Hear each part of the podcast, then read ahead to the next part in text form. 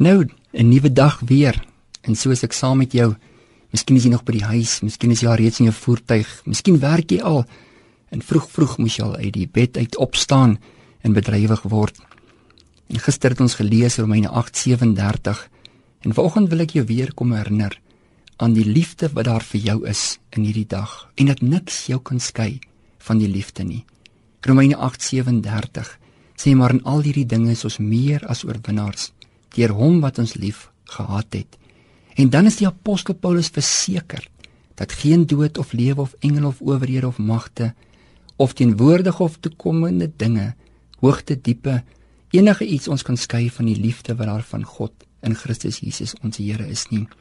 Paulus het geweet waarvan hy praat. Hy was ook onderdruk. Hy het ook deur sy eie persoonlike verdrukkings moes gaan. Hy was kere benoud, benoud toe hom somme in die sinagoge nadat hy 'n vriend saamgebring het en valslik beskuldig was, amper tot die dood toe buite gelaat het.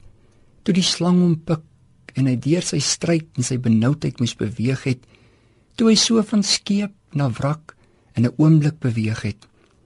Ja, selfs toe die rabbi se lewe bedreig, hulle wat eens sy vriend was.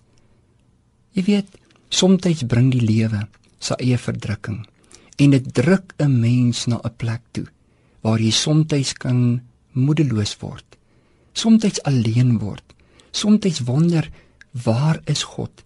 Gaan ek alleen deur wat ek gaan? Soms raak 'n mens benoud en angstig. Miskien is daar daardie ooreenkoms, daardie verhouding, miskien daar iets in jou hart wat jou benoud maak. En vroeg in hierdie dag wil ek jou kom herinner dat niks jou kan skei van die liefde nie. Daai benoudheid wat jy in jou hart het, daai iets wat vir jou wag, dit kan jou nie skei van die liefde van God nie. God het jou lief en sy liefde is saam met jou in hierdie dag. Sy liefde is die antwoord wat jy nodig het. En so sê ek, in die verdrukking of benoudheid van hierdie dag, is ek saam met jou verseker dat niks jou sal kan skei van die liefde van God. Ek groet jou tot môreoggend.